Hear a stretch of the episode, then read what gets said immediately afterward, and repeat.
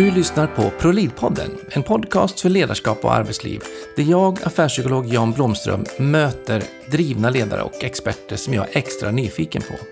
Och i det här avsnittet, ja, då kommer jag att få träffa och möta med underbara Tina Töner. Och vi kommer ju att prata om att vikten av att skratta tillsammans, att svettas tillsammans och att gråta tillsammans för att kunna prestera riktigt, riktigt bra. Ja, du kommer få mängder av goda insikter tror jag. Så att du njuter, nj, luta dig tillbaka och njut av det här avsnittet. ProLead-podden ja, det presenteras av ProLead Academy, ett kunskapscenter för ledarskap och arbetsliv. Och på prolead.se ja, där hittar du all information samlat om våra kurser, våra konsulttjänster och vår affärspsykologiska puls som ger en extra bra arbetsmiljö. Eh, du kan också anmäla dig till våra webbinarier eller vara med på våra livesändningar, läsa våra böcker eller lyssna på våra självklart övriga podcastavsnitt. Ja, luta dig tillbaka, knyt på dig skorna, gör dig redo för nu kör vi tillsammans med Tina Turner.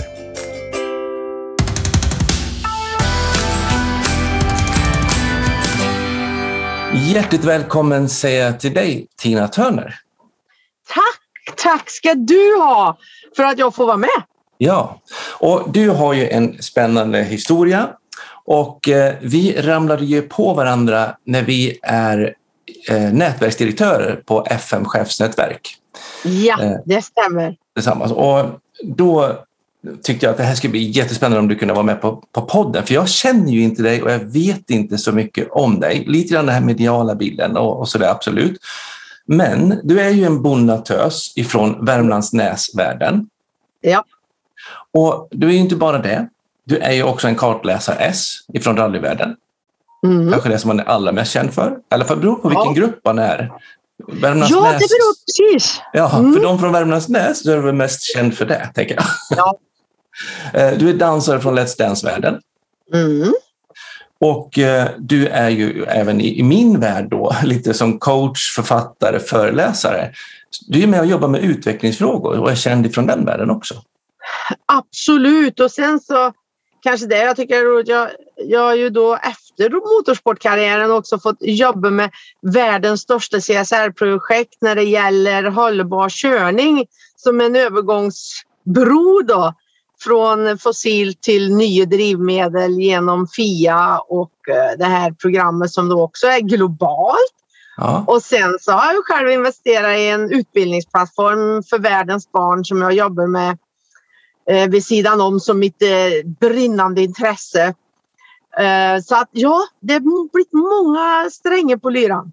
Ja, och det är ju så fascinerande, för när man är lite sån där allt i allo så är det ju så befriande för att man fastnar inte i ett hjulspår. Men Nej. ändå finns ju ett spår hos dig som jag tycker går igenom, som jag fastnade för i alla fall. Det finns säkert många andra också, som kanske till och med ännu tydligare.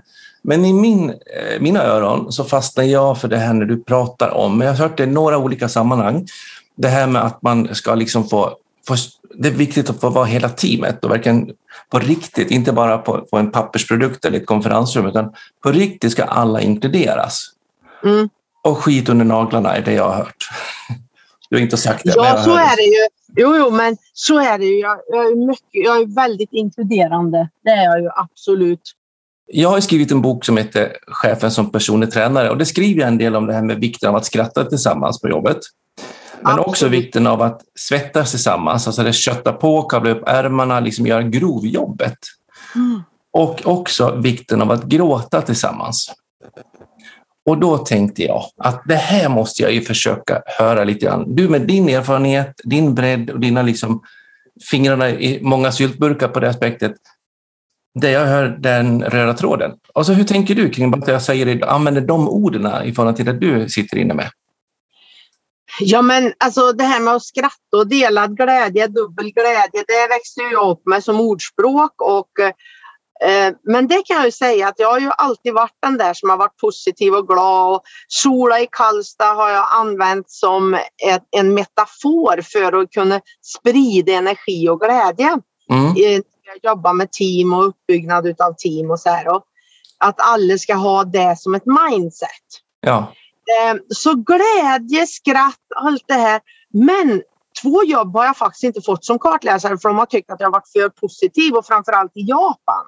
Ehm, jag var inte tillräckligt seriös. Det verkar som jag inte tar livet på allvar. Mm. Så att eh, det är ju, alltså man behöver anpassa sig i kulturer den är. Ja. Ehm, så att där har jag gått på några nitar. Mm. För då blir det helt enkelt en säkerhetsrisk i de sammanhangen. Ja, för, för japaner så i, den, i den sammanhanget så kände de att oj, oj, oj, hon bara skrattar och är glad och, och tar inte på allvar det här vi gör. Ja. Så att det här att vara för positiv, då var Sola i Karlstad inte så bra. Nej. Ehm, Men eh, det du säger, det här med att gråta, det kanske är någonting som jag skulle behöva lära mig mer utav. Eh, Jag är ju väldigt kanske strukturerad i hjärnan att det här med att vara ledsen och eh, vad är det? Naturligtvis kan jag släppa på trycket och jag är ledsen ibland och jag gråter men då har jag liksom satt av en tid. Ja, men jag behöver släppa på trycket. Det bästa är nog att gråta. Ehm, då behöver jag göra det liksom. Men för mig är det jättesvårt att gråta och vara ledsen och likadant när det har hänt saker i teamen. Mm. Det är ju också det att de många tycker att ja, men hon har inga känslor därför att ja, men då ser jag den här bilden för mig.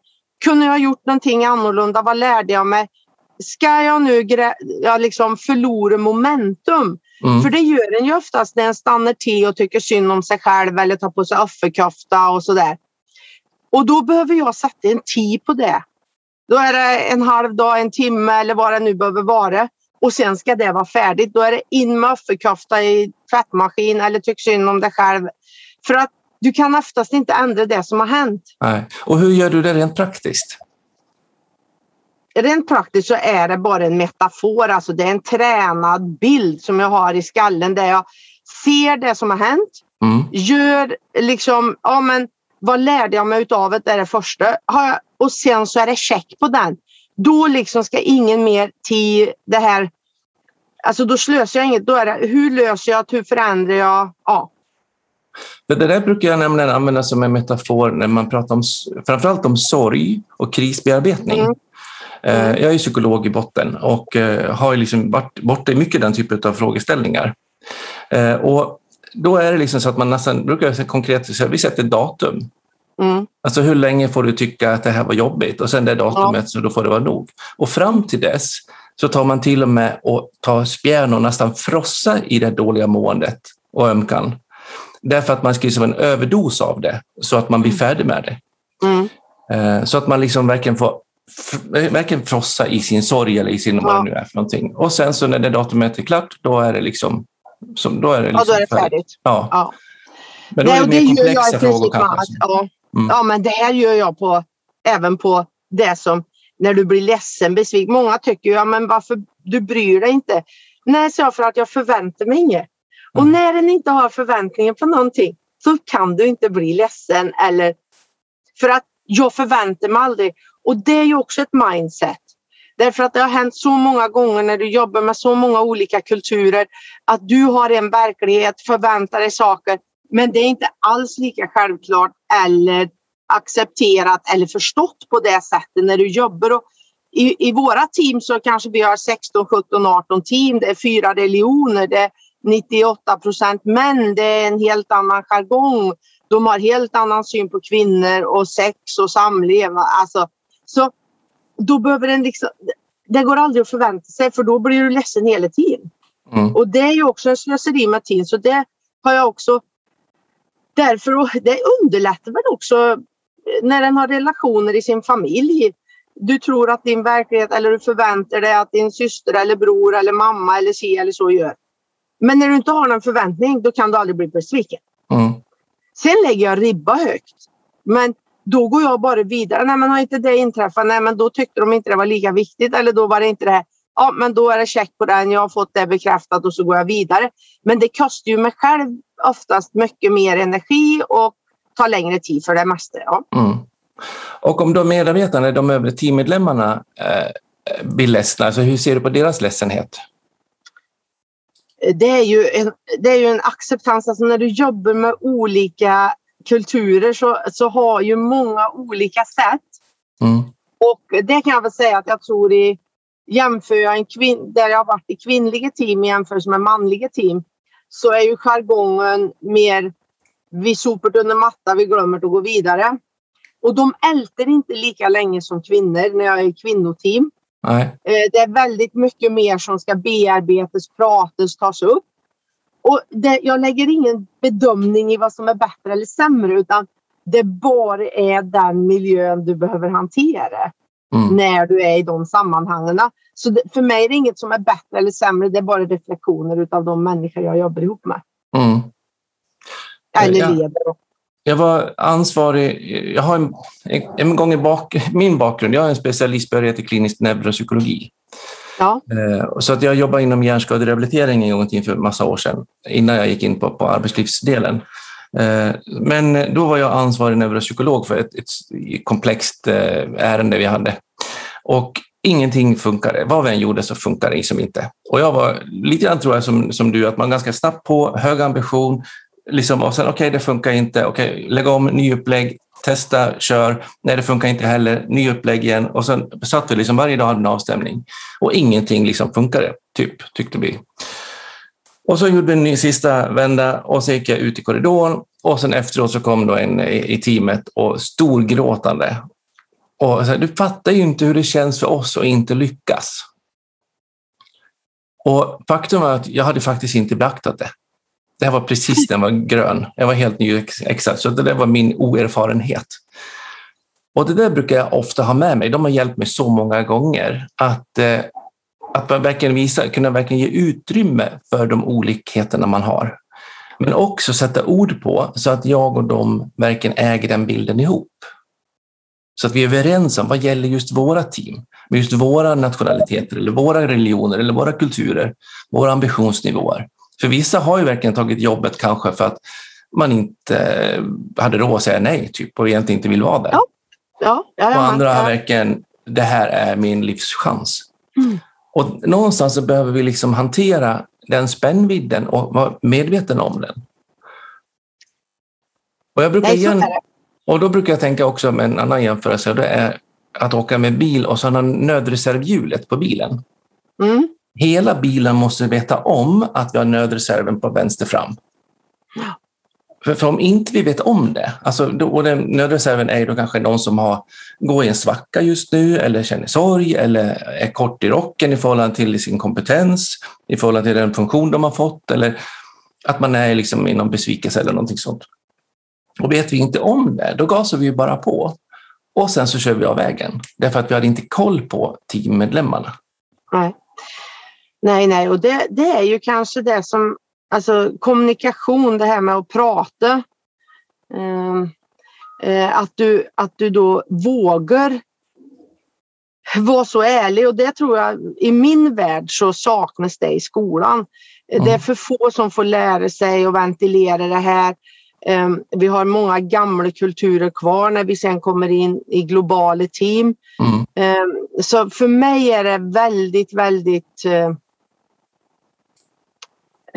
Ja, alltså, vi måste börja mycket tidigare med människor för att få människor. För det du och jag jobbar med idag det är ju att vi har eh, i den kategorin människor som är väldigt formade, som har väldigt eh, ja, invande mönster Mm. och som egentligen inte hjälper dem i det sammanhanget när en vågar dela med sig. Nej. För någonstans är det skämmigt. Mm. Och det är ju väldigt tydligt i motorsportteam eller hockeyteam som jag coachar eller jobbar i eller sådär. Ehm, så att ja, det är absolut en resa att göra det först innan de ens vågar öppna upp. Som ju egentligen eh, är synd för att det skulle vi kunna ha lärt oss i skolan. Och Ja. vi skulle kunna ha haft det mycket tidigare och då tror jag att det här med psykosocial ohälsa generellt sett eller det här som vi pratade om förut, vissa går till ett arbete som de tar för pengar eller andra gör saker. Och det tror jag att eh, tar en attityd och inställning till det Mm. och du får en acceptans tidigt eller det här, inga, inga värderingar och du lär dig det tidigare i livet, då tror jag också att den här tankeloopen som färger det undermedvetna, det blir, alltså det blir mycket lättare att bära Mm. Inombords. Mm. Eh, Det här med att sola skiner i Karlstad, om man har för mycket av den, dels så kanske Ja. man blir petad från japanerna. Ja. men, men Eh, jag, jag, kan ju liksom översätta det lite grann till de här säljteamen eller arbetsplatserna som är liksom otroligt målstyrda. Det är liksom framgång, vi firar med champagne vid varje order, där man liksom bara lyfter fram styrkorna. Mm. Och sen gör vi, har, vågar vi inte prata om våra med skavankerna. Eh, och hur har du jobbat liksom med att skapa den här trygghetsmiljön? För det handlar om den här miljöfrågan, tänker jag. Alltså ja, våga visa sig svag för att bli stark. Ja, och det, nu har ju, om man säger när den inkluderar eller när den börjar med team. Nu kan jag, alltså, jag brukar, vilket team jag än jobbar med så har jag alltid en metafor. Och då berättar jag en story om när jag växte upp med och var grisfarmare. Mm. Och då hade vi ju 20 smågrisar i en box och sen växte ju de och så skulle ju det då överföras i andra boxar och så skulle de få nya team i boxarna. Mm. Och grisar är sådana att eh, inkräktare då som kommer eller som djurvärlden är när de har sina revir.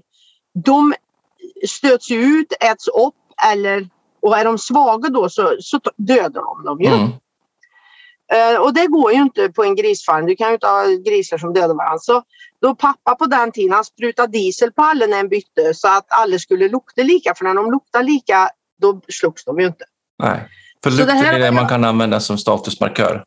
Ja, mm. så det här eh, införde jag så att i mina team då sen när jag jobbar så har jag alltid med mig då och det första team jag gjorde med så köpte jag 120 eller 130 Hugo Boss-flaskor och så delade jag ut till alla för att alla skulle börja lukta lika och så använde jag den här metaforen mm. för att visa.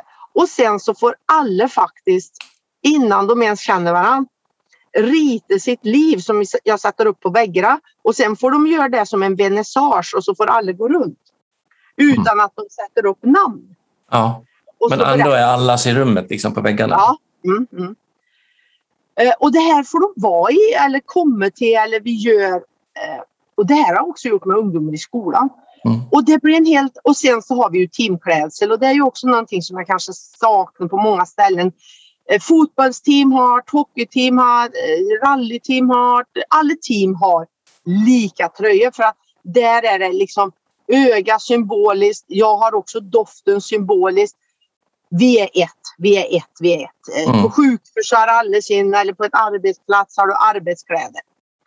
Och då tänker jag, när barn nu kommer i skolan, när det är sådana klyftor som vi har, mm. och där blir de skilda, segmenterade, mobbade.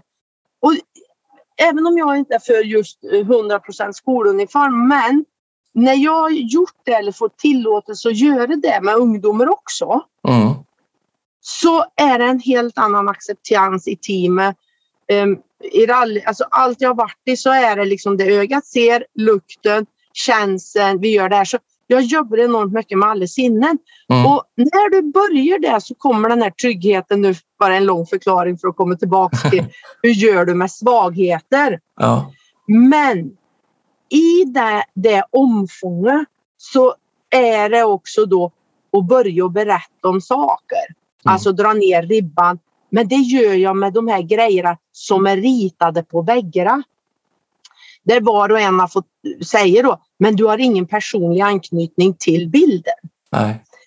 Och då ventilerar vi allt det. Eh, som är på bilden? Som är på bilden fast ja. ingen vet vad det är men det är fortfarande ja. teamet. Mm. Och då har de skrivit det hur de firar, alltså de här om vi säger vad som höjer och sänker dina känslor väldigt ofta eller påverkar människor ofta. Ja. Och, och det har hjälpt mig jättemycket. Så i och med det så blir det en acceptans för att bara berätta och inte lägga värdering. Och, och sen så har ju jag använt mig mycket av då när det blir utmaningar, inte hoppa på, inte skylla, inte göra oj oj oj. Okej, okay. vi hade slut i tanken innan vi kom i mål på sträcka. Ja, vi vet ju direkt vem det är som tankar bil. Mm. Men ja, vad var det som gjorde att vi inte hade en uppbackning som gjorde att det här inte... Och det har ju gjort då att de mekaniker som har jobbat om vi säger, på våra bilar eller till exempel när jag coachar här i Schweiz så blir ju jag en enorm fara för en ledning därför att helt plötsligt så får du med dig hela teamet och mm. hela teamet är mycket starkare och då sker en förändring. Mm. Och det här är väldigt skrämmande för många när du får ett sånt movement i ett team. För då är det oslagbart. med nackdelarna, de svagheterna, för att svagheterna övervinner vi innan vi ens känner att det blir en svaghet som naturligtvis uppmärksammas det för alla kan ju inte vara steget före och göra allting. Så Nej. det blir ju misstag eller det blir saker som händer. Men ingen hängs ut. Nej. Jag tänker på två saker där. Det ena är om jag som chef över ett team mm. eh, har liksom lagt ribban exakt hur det ska göras. Mm. Då blir ju personens svagheter en tydlig svaghet. Mm. De, när de ska följa exakt min plan. Om jag däremot har delegerat ansvaret så att ja. gruppen är verkligen inkluderad, då känner de till sina svagheter, kompenserar för dem och väljer ja. en liten alternativ väg för att få till ja. det som jag har beställt. Ja. Och då blir svagheten ingen svaghet. Nej. Då är det bara en person, naturlig variation. Ja, så kan du säga. Och, men om man nu tittar, jag kan bara ta ett exempel. Jag hade ju ett hockeyteam där i, i Schweiz och eh, då hade ju coachen bestämt, ja det är ju naturligtvis du ska vinna. Mm. De hade inte vunnit på länge. Team och vi jobbade tillsammans men han ville inte vara inkluderad. Och sen så kom ju framgången och firingen och allt det här som vi hade gjort och sagt och så där. Och sen gick han in och bröt det. Mm. Ja, och då hade du en sån styrka i det här teamet så teamet bara direkt gjorde mutary. De gick inte ut och spelade nästa match för honom. Nej. Han fick ju avgå med omedelbar verkan. Ja. Och det är klart att när du då som coach eller le, alltså inofficiell ledare och du har ett helt team eftersom du är i ett sammansvetsat ja. team. Det teamet kan göra eller förändra vad som helst, när som helst, hur som helst. Ja. När du har de styrkorna med dem. Så att det här är ju någonting också då när en går in, det jag har sett som coach nu gentemot då, om vi säger uppgiften du har fått. När du har ett ledarskap som inte är utvecklat eller inte vill vara med på det vi jobbar med, med mental styrka, hitta de här vägarna, få de här kopplingarna i hjärnan utan kör det gamla som de är uppvuxna med i skolan eller ja. har lärt sig på sin utbildning. Då blir det klinscher liksom. Ja, för att det är inom teamet verkligen ha hitta sina, och då, då menar jag, då har man ju inventerat reservdäcken ja. och de styrkebreda däcken och allt vad man har. Så att man kan sitt team göra sina egna val. Mm. Och då blir man jäkligt stark. Jag har också ja, ja, jobbat inom eh, hockeyn, dock, inte, dock inom Sverige, men det är SHL-lag. Eh, och de skulle då gå uppåt. Och då hade de haft en tränare som var otroligt tydlig och bestämma exakt hur det skulle göras. Mm. Då var de i ett läge när jag kom in där man liksom kom framför mot mål med pucken. Då började de snegla mot tränarbåset. Hur ska jag göra nu? Mm. Därför att de vågade inte fatta sitt beslut själv. De var alltså beroende av sin ledare. Eh, och det, det, då gick det inget bra under den perioden. Men när de jobbar bort det, så de vågar äga sin egen, mm.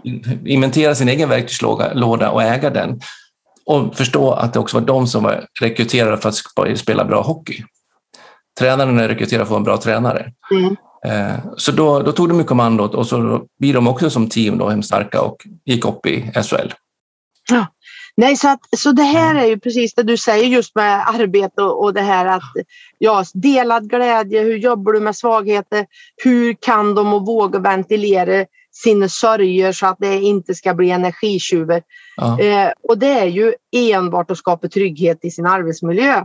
Ja. Eh, så, så, och sen också då, jag menar varken du eller jag eller någon annan som leder är ju ofelbara. Vi är människor och vi tänker inte alltid heller men har en ett team med sig så bygger ju de också en som ledare. Mm. För man får en bra feedback, man får ja. en trygghet. Och jag tänker också det med, med eh, vi har ju en tendens ibland på arbetsplatsen eller i olika alla lägen vi är i att tala om hur bra vi är. Mm. Men vi är inte så bra på att tala om vad vi är dåliga på. Och... Nej, och sen så tror jag att en kan lära sig allt. Så att det är bara en fråga om, det är en tidsfaktor. Ja, men att våga, jag tänker i alla fall säga att, att våga prata om, om sin svaghet utan att fastna där, men man ska vara medveten om den och kanske våga kommunicera den.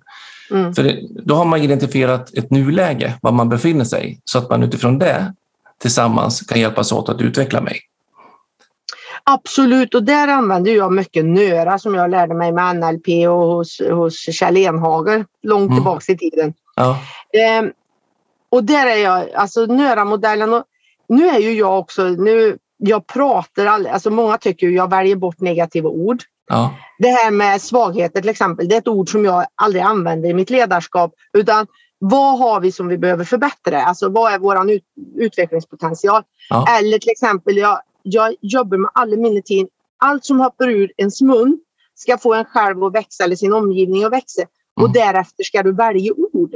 Mm. Och då tycker ju många, ja men Tina du måste ju ta i starka ord, du måste liksom visa ibland då din makt eller det här med Nej, jag skulle aldrig använda ord som jag känner är energitjuvar. Eller, Nej. och det är ju också någonting som för många blir nästan prov, provokativt. Eh, för att jag säger jag väljer bort de orden. Jag säger inte att det är fel att ni använder. Nej. Men eh, i min värld så är det ändå en befäst, alltså du befäster ett ord eh, när du använder ett ord. Ja. Så ett ord har en betydelse för dig. Alla Mm. ord har en betydelse. Och det här med flow, vad är det som är flow? Vad är det som ger ett flow? Och där är ju jag då direkt liksom det här, ja men vilka ord väljer vi? Hur väljer vi de orden? Hur vill vi ha dem? Sen, ja men Tina, det är ju bara betydelsen av ord. Ja men ett svärord för dig, ja men det kanske ger dig styrka och då ska du använda det i, den, i, den, i det sammanhanget. Använd det då inte hur som haver när som helst. Nej. Utan då ska det verkligen vara ett kraftfullt ord. Ja, men Ja. då, då, då accepterar gruppen det. Ja, då vet vi. Svär vi, då jädrar är det liksom... du-du. Ja. Så, och sådana ord, det här då som, då tar jag upp dem före eller vi diskuterar orden så att alla också vet innebörden eller förstår varann. Ja. Eh, för att när du jobbar till exempel med andra nationaliteter så använder svärord för dem eh, är någonting helt annorlunda eller en rädsla eller någonting. Och därför behöver alla sådana här ord, Mm. det här med som vi säger nu, våra svagheter och jobba med asiater. Mm. De, de, de, alltså de, de kan göra hierarki, eller vad hierarkier, eller vad heter det? För att visa sina svagheter. När jag börjar på att svagheter med dem från Asien, Mm. alltså de vill sluta att jobba då. Mm. För, att, för dem är det så hemskt att ta fram och, och bara erkänna sina svagheter. Mm. Så det, det, det blir stopp i hela deras skalle. Så det måste jag säga att det här att med ordens betydelse när en jobbar med olika kulturer. Det har blivit så viktigt för mig så allt sånt måste liksom, vilka ord väljer vi till det då? Mm. Men skulle vi nu översätta och jag skulle jobba med ett asiatiskt, alltså Åh herregud, alltså de... Så där är det ju den här, när jag har varit ute i andra länder, hur uppmärksam du blir på betydelsen av ord. Mm. Och jag tänker att också man har en diskussion och kommunicerar om det här så att du verkligen äger samma bild av vad den betyder Ja. och i vilket Ja. sammanhang och så. Eh, Det är ju en, eh, en mental motsvarighet till en matchtröja. Ja. Alltså att vi, vi, Absolut, vi absolut. får en samsyn på inte bara de här symbolerna som är så enkla, som är så starka i och med att de är så enkla, med tröjor, doft och, Mm. och, och liksom profilering och så. Men också de här mentala mindsets-delarna blir ju Absolut. lika mycket matchtröja som, som någonting Ja. annat.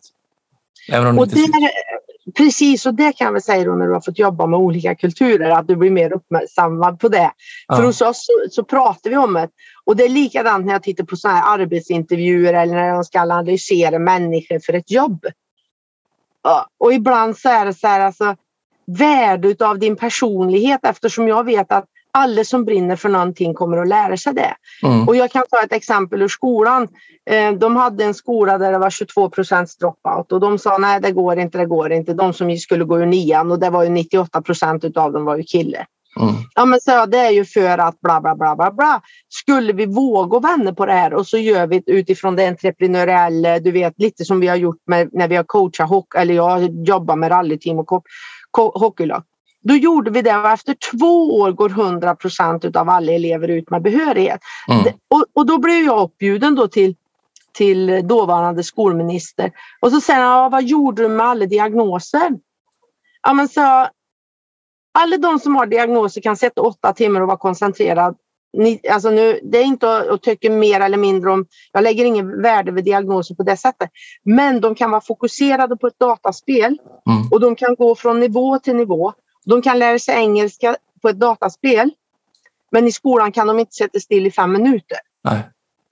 Eh, Det är ett aktivt val du gör då, för kan du sätta sex timmar och spela dataspel och varken äta eller dricka och hålla fullt fokus och ha framgång så kan du även det i skolan. Ja. Det är ju bara alltså det är ju det här med att lura upp hjärnan på hatthylla igen.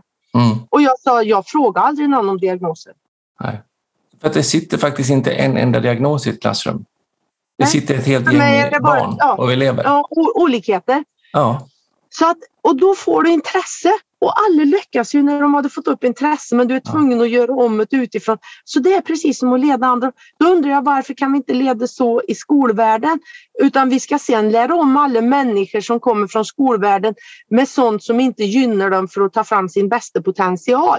Mm. Och sen när de kommer till arbetsplatser då är vi tvungna att investera i det här, bygga team, bygga öppenhet, kommunikation, lära sig att våga sin, visa det vi kallar svagheter och så vidare.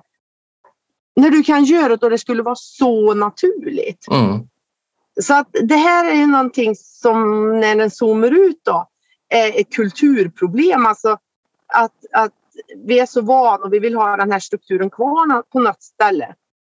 Fast att vi ser att den inte är gynnsam och vi kan göra det redan förenkla för människor i ett väldigt tidigt stadium när de, vi alla är lärbara mycket enklare än vad vi är när vi är i våran ålder. Liksom.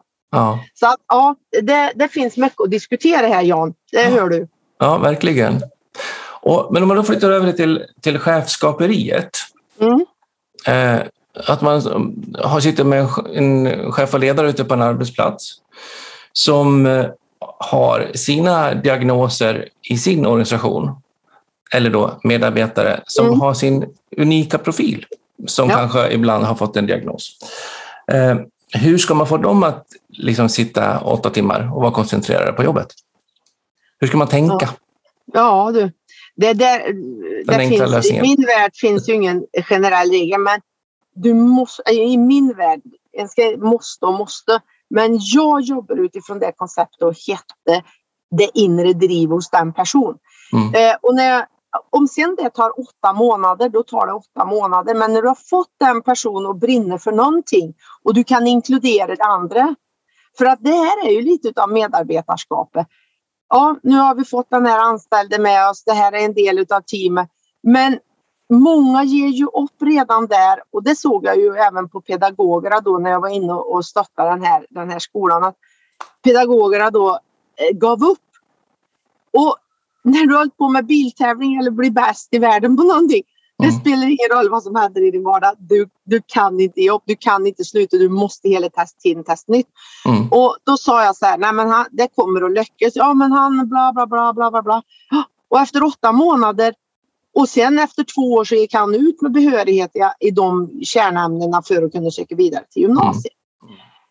Ja, det var bara att leta tills han hittade någonting. Sen inkludera matte, inkludera läsning, inkludera det. Och då läste han, han lärde sig engelska, han fixade matten. Alltså, men intresse var tvunget. Så att jag tror på en arbetsplats så är det ju som du säger, många kommer dit för att de vill ha en lön och de vill ha en frihet genom sitt, sin input i ett arbete.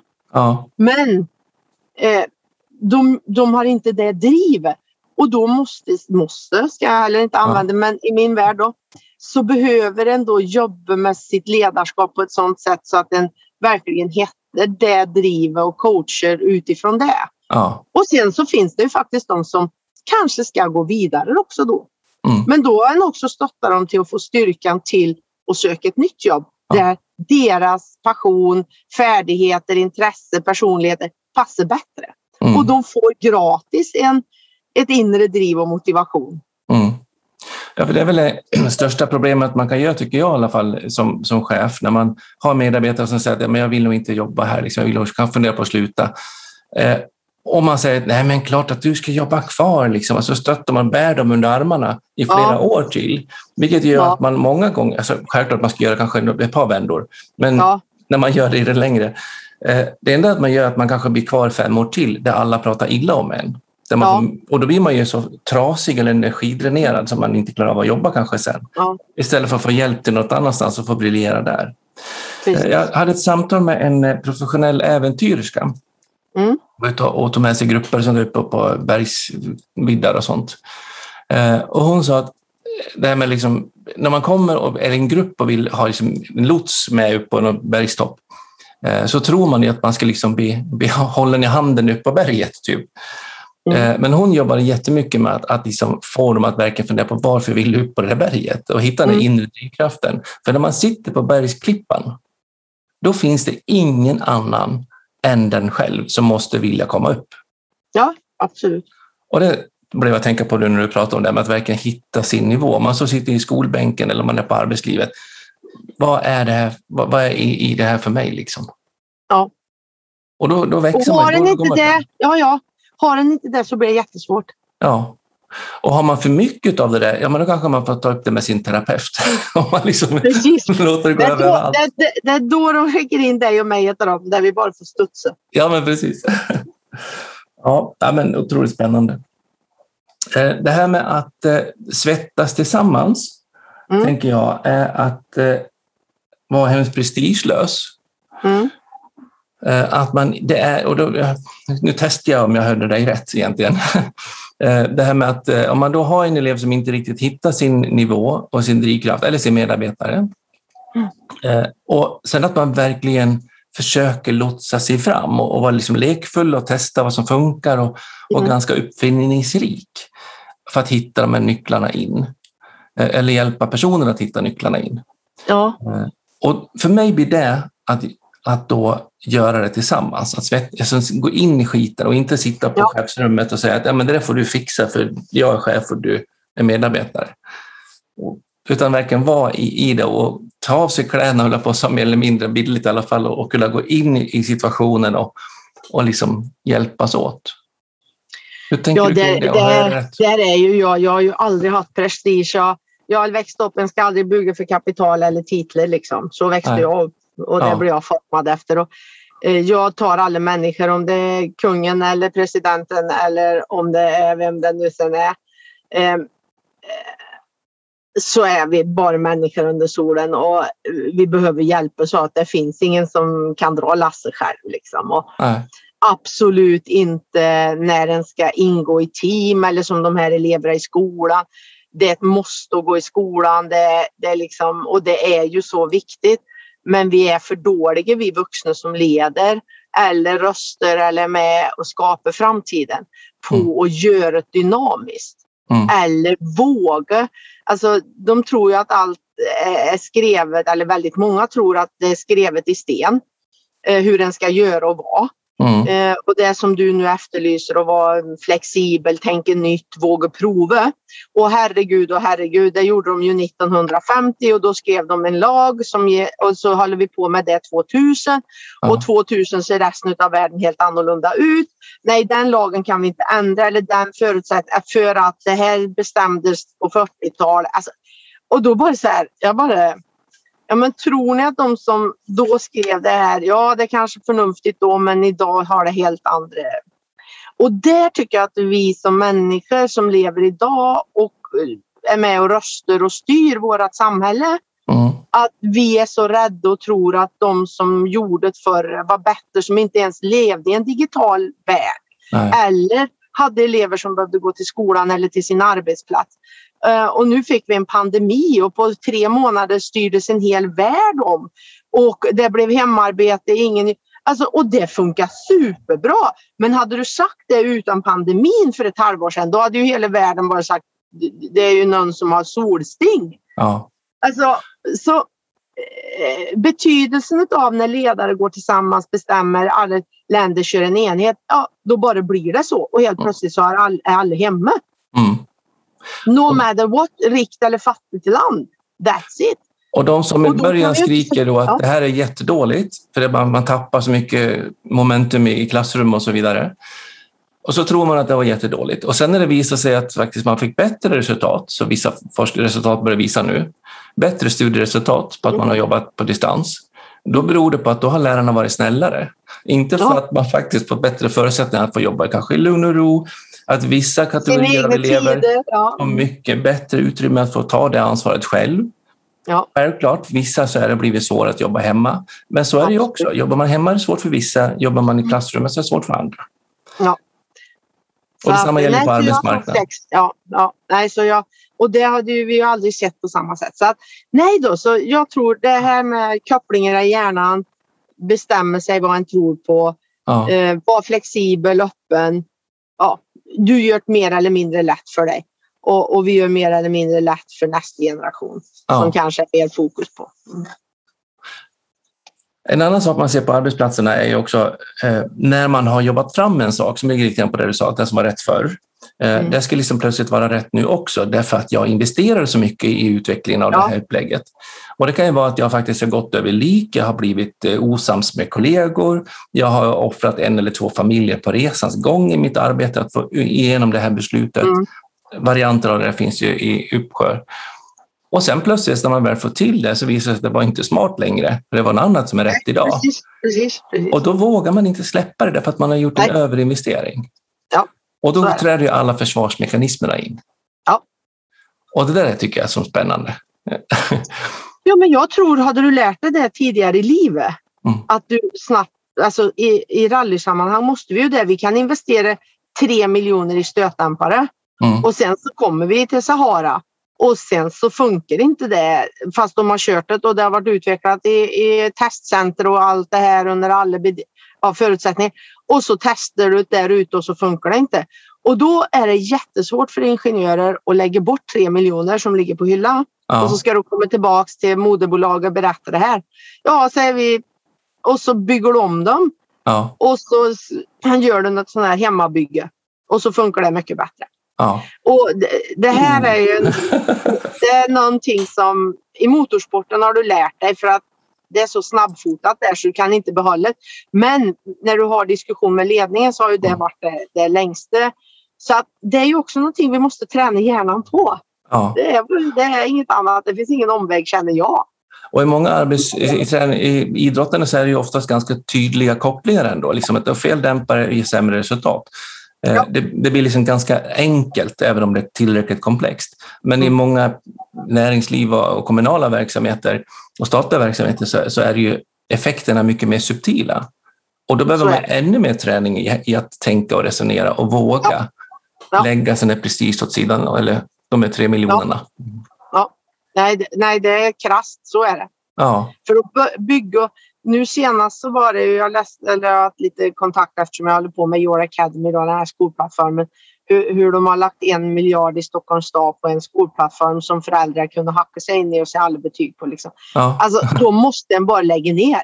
Ja. Då kan en ju inte fortsätta och säga nej men vi, vi kör det här racet. Egentligen så var den här diskussionen redan för tre år sedan och de fortsatte ändå. Ja. Och sen till slut så, så bara ruttnade ju föräldrar och sa att det här går inte längre och våra skattepengar försvinner dit. Så att, ja, och klart att en kommunal verksamhet den går ju bara typ under i budgeten.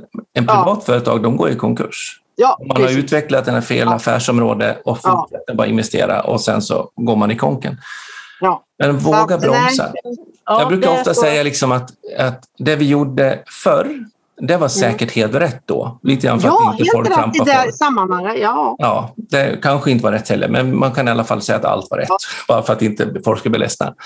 Men vi kan inte göra det idag därför att det var Nej. rätt igår. Vi kan framförallt Nej. inte göra det imorgon, vad som var rätt igår. Nej, precis. Om vi ser att framtiden ser helt annorlunda ut. Ja, då måste vi liksom, vi ska göra saker idag för att det fortfarande är rätt. Liksom. Ja, ja, ja, ja, ja. Nej, ja. så att jag är helt med där. Där lär vi ruska loss oss ifrån. Ja, det är ju ett mindset, det är ju en träningsgrej. Ja. Det är kopplingar i hjärnan, det är ju inget annat. Eh, du nämnde lite grann att eh, du, det med, med ordens betydelse och att du försöker inte prata om, om, om svagheten och sånt där. Eh, där kanske vi ser lite olika på, på frågan. Jag tycker det är ganska skönt att, att ha både fram och baksida på medaljen som jag brukar ofta prata om. För att min egenskap som jag är bra på är ju min, det jag liksom lägger fokus på. Det är framsidan på guldmedaljen. Vi vill ha en så stor medalj som möjligt. Men ju större medalj jag har, ju större framsida jag har, desto större baksida. Är jag jättelång så är jag, ganska, då är jag bra på att vara jättelång, men jag är ganska dålig på att vara kort. Ja. Är jag jättekort så är jag bra på att vara hemskt kort, men jag är dålig att lägga grejer på översta hyllan. Ja. Det är liksom inget mer laddat än det. Men ofta pratar vi om, om att framsidan är, mer, den är positiv och baksidan är negativ. Och så går vi in i försvar. Ja, precis. Och det försöker jag komma bort ifrån det överhuvudtaget. Ja. Och inte prata alls om jag- det då? Jo, jag pratar om det, men på ett annat sätt. Det är ju, det är ju lite det här. Därför att i, i min värld så är det så att det är bara en träningssak. ja, Det är, visst, om du och blir längre, ja men då är det att köpa till en pall när jag vet att jag behöver göra de sakerna. Det är inget mer med det. Då går jag ut i bil och hämtar pallen om jag måste vara på hylla som är två meter hög och jag Precis. bara är 1,50. men, Men då då är vi överens om det, att vi behöver en pall. Och då, Ja, blir vi precis. liksom, då behöver vi synliggöra det och säga att så här ser det ut. Hur ska vi förhålla oss Ja. till det? Precis. Men jag, jag, jag är väldigt sparsam med att tycka att det är mer eller mindre bra utifrån. Utifrån Mm. förutsättningar som är, som är behöver du kunna jobba på två meter. Nej, du är inte två meter. Hur gör vi då för att du ska kunna jobba där också? Ja, That's it. Så det är inget mer liksom. Och det, det är också det här i konstruktiv feedback pratar vi om och du vet ta fram det som inte var bra. Eh, nu har ju jag jobbat mycket med hundar, du vet du belönar eller djur. Jag faktiskt praktiserar i, i Ja. Tyskland på en djurpark. Eh, eller en djurpark, en cirkus där de hade kameler och allt möjligt på den tiden när det var tillåtet och det var ju stolligt då om man tittar på och liksom ha björnar och grejer och allt vad det är och djur från Afrika och elefanter på en gräsplätt i Zürich liksom. Och, men då var jag ändå där och jobba hur de får djuren att lära sig sådana saker. Ja, Och visst, det var ju det här att det här som vi också såg från OS nu hur de börjar på att piska hästar och det är ju likadant med oss. Blir vi slagna så är det klart att det gör ont och då snabbare lär vi oss att vi gör det inte. nej. Det är Vi samma för med djur eller oss som människor också. Mm. Eh, Men belöning är ju det som kanske då, det tar mycket längre tid. Mm. Men till slut så blir det ett nytt beteende. Ja, men då i krissituationer igen då, om vi kommer tillbaks till det. Ja, det är ju hemskt att säga. Är du i Mellanöstern så nu har vi ju läst om talibaner här som hugger händer utav folk och visar på när de har varit tjuva eller så. Eller ja, några som har stört. mm. Men tittar den då för att vara krass nu om vi tar något som verkligen mm, när vi tittar på bestraffning. Ja, det är ju i, i Mellanöstern är det ju faktiskt ingen som ställer. Du kan ju ställa handväska på gatan och det är ingen som tar. Nej. För att de vet att där reser en finger eller en arm. Eller, det är ju, nu bara tar jag upp fun- Det blir konsekvenser. Som vi, men, ja, det blir väldigt starka konsekvenser Ja. utav det. ja, Och det är väl här då, när vi inte har konsekvenser, alltså tydligt, nu menar inte jag att den ska gå händer, men att det inte blir en tydlig konsekvens, då faller det här samman och då är vi inte bättre än djur, säger jag då. För då hittar vi lösningar och kunna, ja, du vet, då Mm. är det inte så farligt, då är det inte så farligt, för det är inget allvarligt som händer. nej. Och då försvinner respekten eller trumsmån eller vad det nu sen är, må vara. Och det här kanske då är ju också någonting att uppmärksamma eh, när vi pratar om hur vi styr och hur vi har ett ledarskap. Och, ja, I våran sport så är det så här, en gång har du en chans, du kan göra ett misstag, två gånger också, men tredje gången då har du en enkel biljett hem. Ja, Och då minimerar du saker till att inte hända och då tänker du dig för. Du blir inte slarvig. Du, har, alltså du tar ett ansvar på ett helt annat sätt. ja. Och här nu när vi pratar, nu när vi har vårt samtal så för bara några dagar sedan så stod det i media här i Sverige att eh, de som har blivit, de har våldtagit två tjejer, två Mm. killar och blivit dömda. Och sen så, de hade liksom hållit dem fångar i något dygn också. Och sen så hade de fått sina ålder nedskrivna så att de var för unga. Så de har suttit Ja. häktade för länge eller vad det var. Ja. Då har de beslutat att de ska få 800 000 i skadestånd. Mm. Och det blir också en tydlig signal. På det, Ja. här med liksom, det, är ingen, de, det är inte att de får en hand avhuggna, utan de Nej. får 100, 800 000 i belöning. Typ. Ja. Klart Och- att man ska och- följa re- regler och sånt där, så jag har inte inkoll i, detaljerna i det. Men principen är ju ändå att det behöver bli konsekvenser där det faktiskt är varför man är på jobbet helt enkelt. Ja. Eller vad man ska Eh, göra. och, och det, ja, precis. Och det är Mm. väl där då som jag känner att i slutändan så är vi människor, vi är skapade utifrån ett koncept. Och när, sånt, så- när det inte blir konsekvenser för oss eller det händer, då är vi tillbaka i det här att det bara blir överstöket eller då får en kompetens istället. Ja. 800 000. Ja. Ja, den kommer ju aldrig att fundera på om den våldtog och stängde in en tjej. Nej. Shit vad bra att systemet inte fattar. Ja. Gud vad bra och kommer att vara skittacksam för 800 000. Och man lär sig att det där kan man göra igen. I Ja. det lilla, Eller ja, det är inga konsekvenser. jag brukar jämföra så att i det lilla eh, så brukar jag jämföra med när man går in till sin chef och säger, hör du Tina, jag, behöver, jag har ett problem här, hur, hur ska jag göra nu? Mm. Om du svarar, jo men gör så där Jan, för det skulle jag ha gjort. Så har jag lärt mig en sak, det psykologiska budskapet som skickas liksom Ja. under ytan. Det är vad dum jag var som inte kunde lösa det själv och vilken tur att jag har Tina som chef som kunde lösa det. Så nästa Ja. gång jag har ett problem, mm, hur ska jag göra då? Äh, jag går nog in till Tina. Mm. Däremot om du skulle säga, hej Jan, vad kul att du kom in över min tröskel. Du är alltid välkommen in till mig. Men har du ett problem så berätta gärna, men presentera två förslag till lösningar.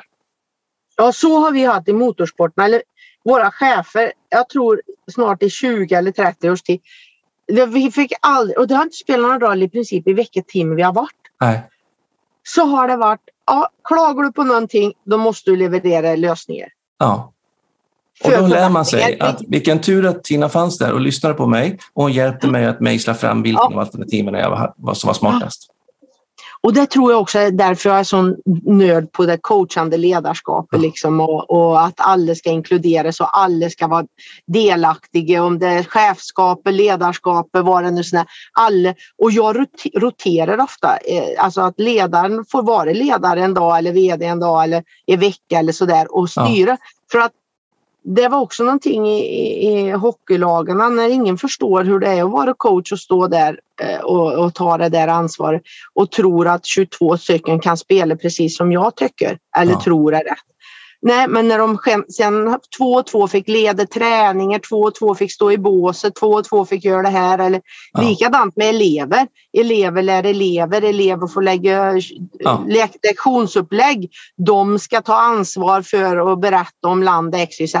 Ja, men helt plötsligt tar de världens ansvar och det blir mycket bättre. Så ja, där är ju jag också precis som dig. Absolut. Och, och det är någonting som jag fick lära mig genom sporten. Absolut det med. Ja.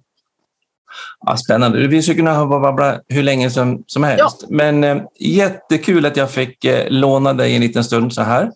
På din Detsamma, bilresa genom detsamma. Europa. Yep. Eh, om man vill I. Montreux står vi nu. Okej. Och, och själv är jag på Gotland. Ja. Åh, lovely, lovely, lovely. Eh, om man vill komma i kontakt med dig och höra mer med dig, vad får man ta på dig? Yep. www.tinatorner.se eller .com om du vill ha på engelska eller .de på tyska. Finns alla varianter på språk. Hemsida, bara att skriva. Ja, men suveränt. Så in där, fånga upp Tina, boka henne på föreläsningar, whatever. Läs boken. Whatever. Ja, just det, boken. Ja, ljudbok, vanlig bok, allting. Ja. Det var så kul. Jag har en, en brorson som var i Arvika i helgen och han ringde ner och sa Vet du vad, vet du vad? Du ligger på andra platsen. Jag såg det i fönstret i bokhylla, eller bokaffären i Arvika. Jag bara, yeah. ja, det är gott Då är det lita. en stolt brorsbarn, vet du. Ja, det låter Det bra var så det. roligt. Ja, då kan den glädjas. Ja, men Så verkligen. liksom, eh, ja, skratt, svettas och tårar ihop, det är det bästa. Ja, men gött. Du, sköt om dig. Tack för idag. Detsamma. Jan. Tack. Hej. Hej. Om du gillar avsnittet, ge då tummen upp och följ oss så blir vi jätteglada. Och passa även på att följa oss på LinkedIn, Instagram och Facebook. Både när det gäller Prolid och mig själv Jan Blomström, ja, så lär vi ju faktiskt känna varandra ännu lite bättre. Ta hand om dig så hörs vi vid vårt nästa avsnitt.